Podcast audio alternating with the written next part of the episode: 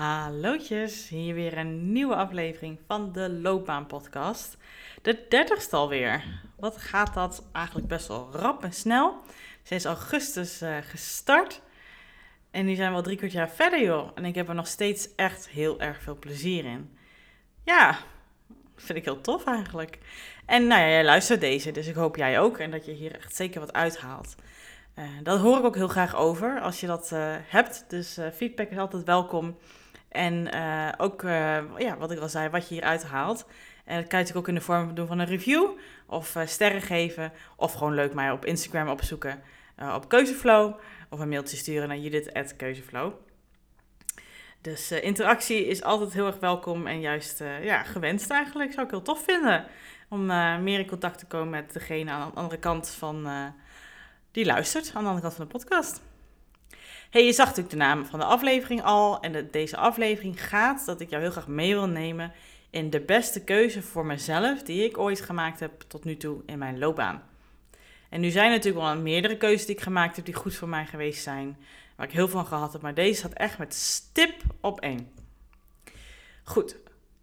Ik wil je heel graag deze, uh, met, deze met jou delen. Om eens te zien wat dat ja, met jou kan doen. Um, en voordat ik de uh, situatie ga uitleggen en uiteenzetten, wil ik even iets van aanloop en achtergrondinformatie uh, weergeven, zodat ook de context beter uh, naar voren kan komen. Toen ik in ieder geval klaar was met mijn HBO-studie van personeel en arbeid, heet nu HRM, ja, heb ik door diverse netwerkgesprekken die ik gevoerd heb uh, en mijn afstudeeronderzoek had ik echt een heel duidelijk beeld van wat ik graag wilde gaan doen. Waar ik aan, bij wilde dragen um, en waar mijn kwaliteiten bij aansloten. Uh, nou, in ieder geval op dat moment in mijn loopbaan. En toen ben ik ook gaan solliciteren. Maar ik werd heel vaak tweede uh, en net geen eerste dus. En uh, nou ja, frustreerde mij natuurlijk. Maar goed, op dat moment lijkt het alsof het heel lang duurt. Terwijl er eigenlijk net vier maanden voorbij waren gegaan, geloof ik. En toen kwam mijn man dus met het uh, briljante idee om uh, nou ja, te zeggen: waarom begin je niet voor jezelf? Je hebt zo'n visie, je hebt zo'n idee, je wilt het op die manier doen. Nou, uiteindelijk uh, nou ja, best wel wat aan wennen aan dat idee. maar ben ik dat gaan doen. En net zoals heel vaak geadviseerd wordt aan beginnende ondernemers, ben ik ook daarnaast parttime gaan werken. Dus het was in zo'n 2011 was dit, in het najaar. En uh, Kamer van Koophandel, in gaan schrijven, uh, nou ja, van alles op gaan bouwen en op gaan zetten. En daarnaast dus ook parttime gaan werken. Um, ja, ik heb diverse parttime baantjes gehad. Uh, in het begin heel veel in de administratie, secretariële kant, want dat was ook mijn MBO-studie opgericht. niet mijn HBO-studie, PNO-afdelingen, daar heb ik allemaal parttime gewerkt. Veel zwangere vrouwen vervingen, vervangen. Um, totdat ik op een gegeven moment uh, tegen een parttime baan als decaan aanliep voor een middelbare school. Eerste lijn, zoals ze dat noemen, waardoor je dus direct met de scholieren contact hebt over hun keuzes uh, die ze gaan maken. Ja, vakkenpakketten, uh, studiekeuzes, dat soort dingen. En ik dacht, nou wauw, dit is het antwoord. Nou, ik ben al, al zo'n drie, vier jaar bezig met Keuzesprong. Zo heette mijn bedrijf toen. Nu is het nog steeds Keuzesprong, maar nou ook Keuzeflow. Waar vanuit deze podcast dus is voor de loopbaanbegeleiding. En uh, ik dacht, dit is het antwoord. Uh, ik vond het namelijk rete spannend uh, om echt ondernemer te zijn. ik noemde mezelf altijd, ik heb een bedrijfje. En mensen noemden me ondernemer. Of, of weet je, dat ik al dacht, nou, stel niet zoveel voor. Ik ben gewoon leuk aan het coachen, joh. Hier en daar een paar mensen lekker aan het helpen. Wie ben ik nou? En ik dacht, nou, als ik dan parttime iets ernaast heb, dan ben ik in ieder geval fulltime bezig met wat ik graag wil. En dat is mensen helpen keuzes te maken die bij hen passen. Nou ja, mijn enthousiasme en mijn ervaring in het werk uh, ervoor dat ik aangenomen werd. En het leek dus echt geweldig. papier zag er geweldig mooi uit. In het begin was dat het ook. Ik had collega's, die had ik natuurlijk in het begin niet. Um, maar ja, waar ik mee kan delen. Maar het was natuurlijk best een solistische functie. Um, maar ja, ik wilde natuurlijk wel mijn bedrijf gewoon goed voortzetten en niet naar een lager pitje zetten. Dus toen ben ik andere coaches gaan aantrekken die op freelance basis in andere locaties voor mij gingen werken. Zodat ik minder, op minder plekken zat, zodat ik minder jongeren kon begeleiden. Op dat moment was het jongeren. Um, maar wel gewoon nog met keuzesprong mijn bedrijf door kon gaan.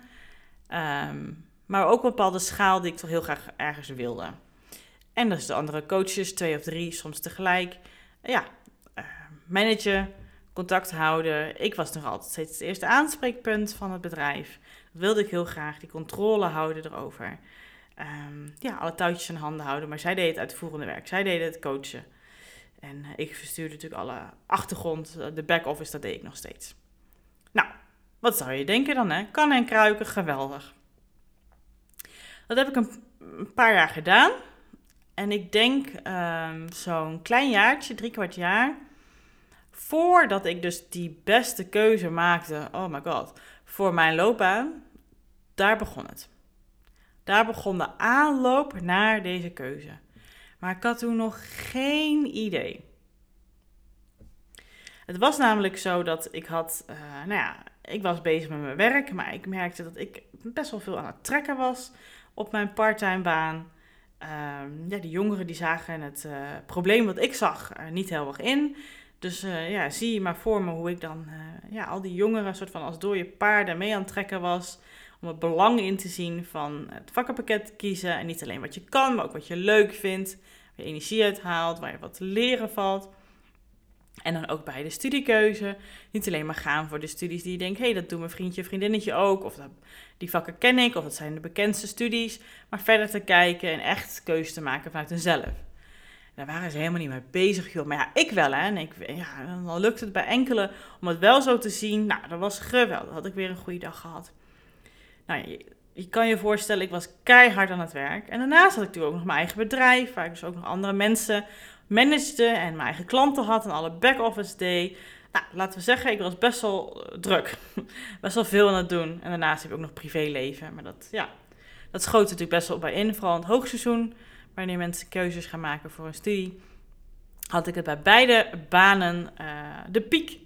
En was eigenlijk op dat moment mijn privéleven eigenlijk, uh, nou ja, non-existent. Want ik was gewoon zeven dagen in de week aan het werk. Dat was niet de reden waarom ik deze keuze gemaakt heb. Had een andere reden. Ik was natuurlijk wel heel erg druk bezig, maar niet met de dingen waar ik energie van kreeg. Niet grotendeels. Een beetje wel, maar grotendeels dus niet. Maar ik was keihard aan het werk. Want ik vond dat ik dat moest kunnen. De buitenwereld reageerde heel erg goed op. Mijn ego vond het echt een heel goed plan. Um, ik had mensen in, uh, ja, ik wou zeggen in dienst, maar die werkten voor mij. Ik had een freelance contract met hun. Ik uh, werkte op een school. Ik kreeg vast salaris, leuke inkomsten. Ik kon op uh, verjaardagsfeestjes zeggen dat ik mensen had die voor mij werkten. En daarnaast ook gewoon nog decaan was. En wat ik er allemaal regelde en organiseerde. En nou, dat, dat, het hoge ogen natuurlijk. Dus mijn ego was heel erg blij. Maar ja, niet alles was heel erg blij in mij. Mijn hart, mijn ziel, mijn buik, hoe je het allemaal wil noemen. Ja, die ging steeds meer naar de achtergrond. Want ik was steeds meer dingen aan het doen die niet bij mijn persoontje pasten, die bij mijn karakter pasten. Ik was mensen aan het managen en ik was controle aan het houden. En ik, was, ik kreeg klachten van soms ouders die zeiden dat hè, ze niet tevreden waren over een coach of dat afspraken maar verzet werden. En dan moest ik daar weer contact over hebben met mijn coaches. En ik wilde ook heel graag samenwerken met hun.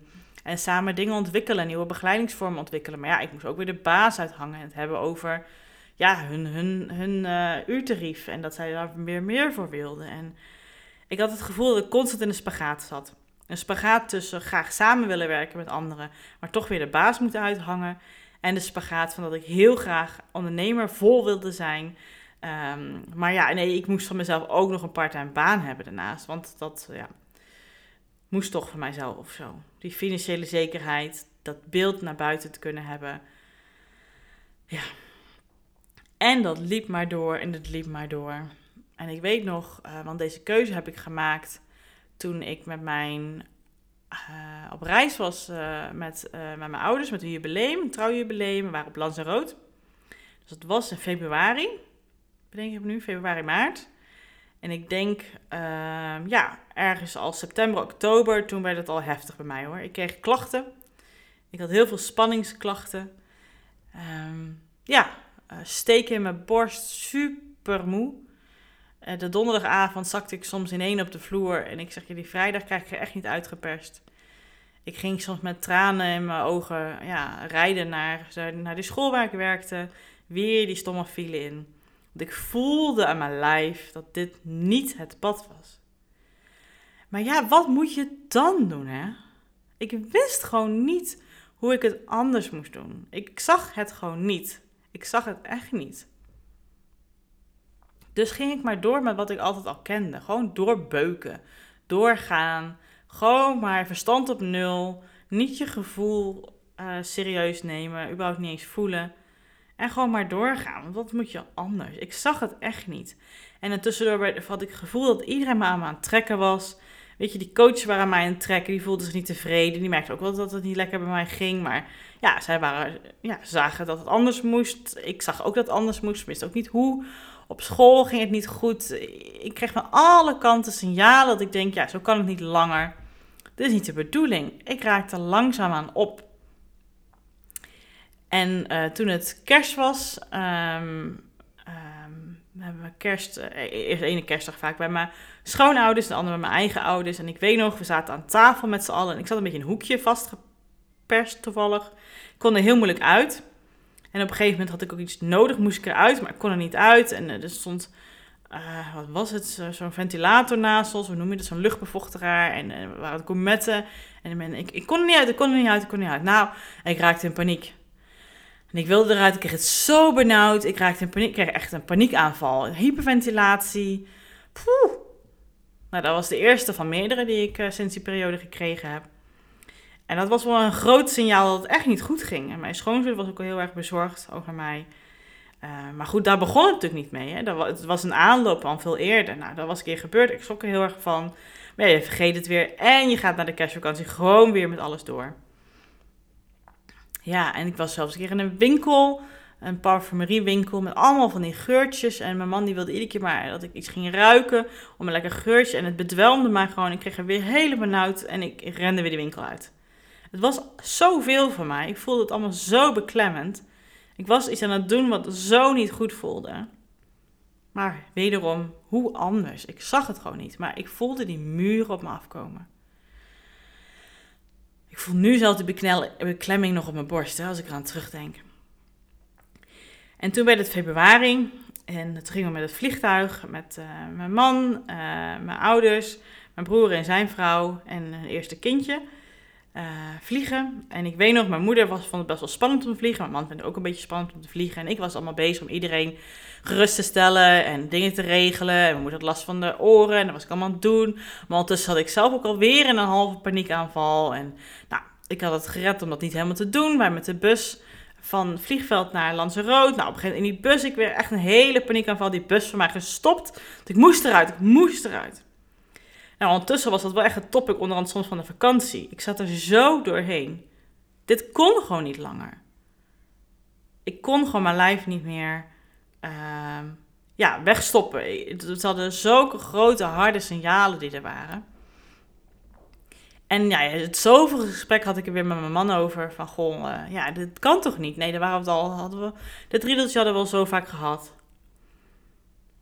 En op een gegeven moment, uh, ja, we hadden het dus weer over. En toen zei mijn man: Ja, waarom zet je hiermee door? Waarom doe je parttime je eigen bedrijf en parttime die, die loopbaan of die, die uh, loondienstfunctie? Waarom ga je niet fulltime je eigen onderneming helemaal uitbreiden? En ik weet nog dat ik hem toen aankeek. En ik echt dacht: Wat? Kan dat? En dat is de, kan dat op meerdere lagen, hè? financieel. Hè, ik zat ook na, onzeker na te denken, kan ik dat dan wel? Hè? Kan, ben ik goed genoeg of vind ik mezelf goed genoeg om dat te doen? Zitten mensen erop te wachten? Um, ja, is daar vraag genoeg naar? Maar vooral ook het financiële, dus we hebben eerst dat even getackled. Nou, dat kon. En ik weet nog, ik zie nog zo zitten. We zaten, uh, want het was niet super lekker weer toen in februari bij Lanzarote. We zaten gewoon een beetje in, ja, wel t-shirtjes aan de kant van het zwembad. Want het zwembad was nog een beetje koud ervoor. En ik weet nog dat punt, en hij zei dat zo. En ik keek hem aan en ik dacht, oh my god. Ik zag die donkere tunnel waar ik al zoveel maanden in zat. Ik zag licht. Ik zag hoop. Er viel wat van mijn schouders af, je wil het niet weten. Alsof er een hele dikke Michelin worstelende, weet je wel, zo'n worstelende Aziatische man zich gewoon voor me. Die niet discriminerend bedoeld, maar dat zag ik voor me. Die met al die Michelin, weet je vetrolletjes, van mij afsprong. Dat ik echt dacht, oh my god, echt waar? Als dat zou kunnen, wauw. En met al die onzekere gedachten eromheen, dat, dat ik dacht, weet je, wie ben ik, kan ik dat wel, dat, dat, dat was er allemaal ook hoor zoveel spanning eromheen. Maar ik denk, als dat zou kunnen, my god. Oh, en vanaf dat punt was de vakantie ook echt anders. Ik, ik ging uit de paniekstand, ik ging uit de angststand naar hoe zou het zijn als. En ik durfde zachtjes aan een beetje te dromen. Die tien tonner was van mijn borst en van mijn schouders af. Ik kon weer een beetje genieten van het moment zelf, want ik was constant aan het piekeren over straks moet ik weer aan het werk ik, ja, ik kon een beetje genieten van het, ja, het zachte zonnetje, van mijn mensen om me heen. En toen ik thuis uh, kwam, heb ik, ja, heb ik even, toch echt, sorry hoor, weer even uh, kop in het zand gestoken. En ben ik weer even doorgegaan, gewoon met zoals ik het allemaal deed. Want je wilt toch erg, je denkt, dit is de oplossing, dat ga ik later doen. Later ga ik dat doen. Maar ja, toen werd ik weer lekker met mijn neus op de feiten gedrukt. Dat dat natuurlijk echt niet kon. Toen heb ik mijn week ziek gemeld op school en ook met mijn bedrijf. Maar toen stortte ik in. Ik was echt ziek. Ik was echt ziek. En toen ben ik langzaam wel weer gaan opbouwen. En zij, zagen, oh, zij dachten, nou Judith, die kan dat gewoon wel weer. Ze was even ziek, een beetje overspannen. We gaan langzaam opbouwen. En dan het nieuwe schooljaar kan ze er gewoon weer tegenaan.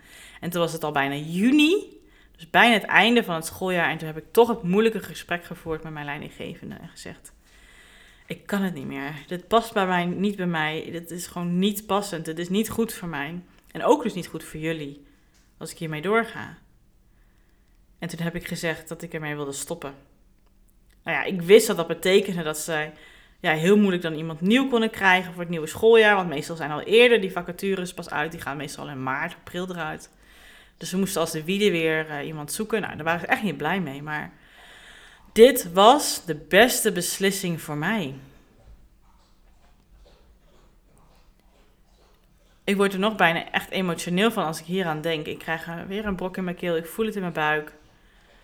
Ik kon gewoon niet meer anders dan, ja, alle signalen die mijn lijf aan het afvuren was op mij, om ze toch naar te luisteren. Hoe eng dat ook was. Want ja, ik was bang voor alle reacties van iedereen. Dat dacht ik allemaal. Ik was, ja, ik was vooral gewoon bang. Wat gaan mijn ouders daarvan vinden? Wat gaan mensen daarvan vinden? School vindt het natuurlijk niet leuk. En wederom kunnen mijn klanten, ja, hoe, kan, ik dat, kan ik dat wel dragen? Dan moet ik echt een ondernemer worden. Fulltime, dan kan ik me niet meer verstoppen. Dan moet ik ook echt gaan, hè? Oeh, spannend en eng. Maar ja, wederom, ik durfde ook te denken aan wat als dit wel zou kunnen? Wat als het wel zou lukken? Wat als ik dat kan? En mensen daar wel op zitten te wachten en ik dat mooi mag gaan bijdragen aan keuzes maken die, die hoop en dromen en licht aan tunnel was er ook. En die heb ik durven leidend te nemen in deze keuze. En te zeggen: nee, ik kies voor mezelf. Ook al weet ik niet of het gaat zijn zoals ik hoop dat het gaat zijn. Ook weet ik niet of mensen op zitten te wachten. Allemaal onzekerheid en spanning. Ik heb de knoop doorgehakt en gezegd: ik ga fulltime doen wat ik het allerleukste vind. Wat ook past bij mijn karakter. Ik ga niet meer denken vanuit mijn ego die zegt: nee, jullie, je moet wel financiële zekerheid hebben. Wat vinden andere mensen ervan? En um, jij wil toch altijd zeker, ja, die vastigheid. En nu heb je dat niet. Hoe ga je daarmee om? Ja, ik heb daar ook moeite mee gehad om daarmee om te leren gaan hoor. Dat is ook vanuit thuis. Je moet altijd zekerheid hebben in een boterham kunnen ja, verdienen. En, en oeh, ja. Maar dit was de beste keuze voor mij geweest. Echt de beste keuze van heel mijn loopbaan tot nu toe. Kiezen voor mezelf. Kiezen voor wat ik het allerliefst zou doen. Waar echt mijn kwaliteiten ook zitten.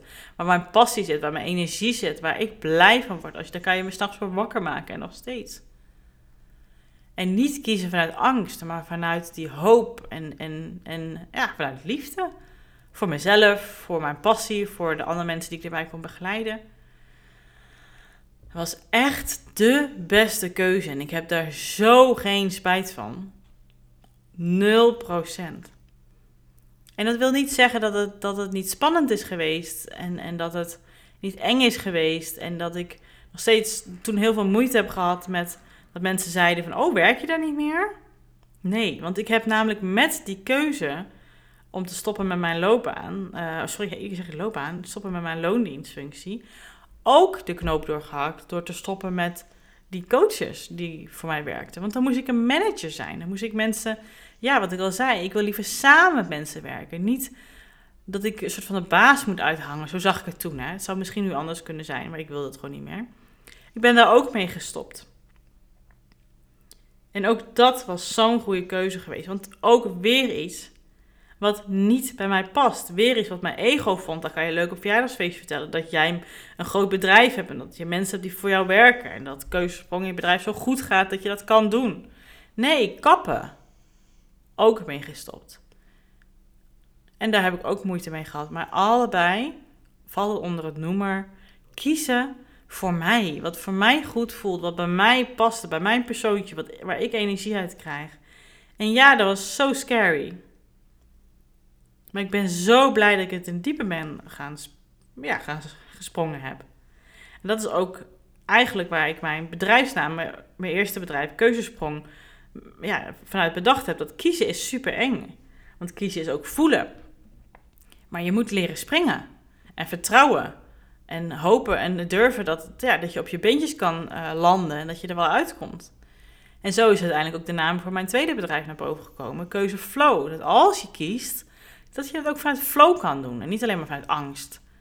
En als je iedere keer kleine keuzes maakt, dat je dus lekker in je eigen, eigen flow kan komen. En daar, door die keuze te maken, daar begon mijn flow. Dat is de geboorte van mijn flow. Hoeveel jaar is dat nou geleden? Ik denk zo'n vijf jaar geleden, vijf, zes jaar geleden. Ik weet het niet precies meer. Vijf, zes jaar geleden. En doordat ik toen die keuze heb gemaakt, zijn sindsdien vergelijkbare keuzes, maar niet zo groot, ook gemaakt door mij. Kijk maar naar die, luister maar naar mijn aflevering over waar verstop jij je voor. Ik zit nu weer in zo'n fase. Maar omdat ik er al ervaring mee heb om dat te doen, durf ik het meer. Nog steeds spannend, maar durf ik het meer. Want ik weet, ik kom wel op mijn pootjes terecht. En dat, ja, dat is het. Ook kleine keuzes. Dat ik meer mijn mening geef. Of meer ja, mijn gevoel benoem. Ook al geen idee of ik goed zit hoor. Mijn intuïtie volg. Ja. Mijn gut feeling. Of voor mannen je ballen. ik gisteren met een klant over gehad. je moet ook ballen hebben om dat te doen. En ik vind dat zo stoer als mensen dat doen. Ik vind het ook stoer van mezelf. En als ik terugkijk naar die tijd, dan vind ik mezelf echt een stoere chick. Dat ik heb gedurfd. En mensen zijn ze altijd maar groot aan het houden en hun ego maar aan het stuur laten staan. En noemen dat stoer. Wat zijn die mensen sterk? Ik vind die mensen helemaal niet sterk. Sorry hoor. Nee, geen sorry. Ik vind die mensen niet sterk. Ik vind mensen enorm stoer en sterk die wel hun kwetsbare kant af en toe durven laten zien. En dat meenemen in een contact en verbinding met mensen en ook in keuzes in hun loopbaan en alles daarbuiten. Die niet verstoppen daarvoor, maar die dat durven aan te kijken. En dat doe ik steeds meer en meer. Maar dat komt ook door mijn eigen ontwikkeling, dat ik dat steeds meer en meer kan doen en mensen daarin kan begeleiden. Maar daar is dat geboren bij mij. Die paar jaar geleden. Vijf, zes jaar geleden. En ik ben zo trots op mezelf dat ik dat toen gedaan heb. En dat was echt de, by far, de beste keuze die ik ooit gemaakt heb in mijn loopbaan. Er zijn er wel meer geweest. Maar niet zo groot als toen. Want wat ik al zeg, dat was de geboorte van alles. Waar echt ja, mijn ontwikkeling heel erg duidelijk begon. Ook als ondernemer, als mens, als, als loopbaancoach. Ja. Dat was hem.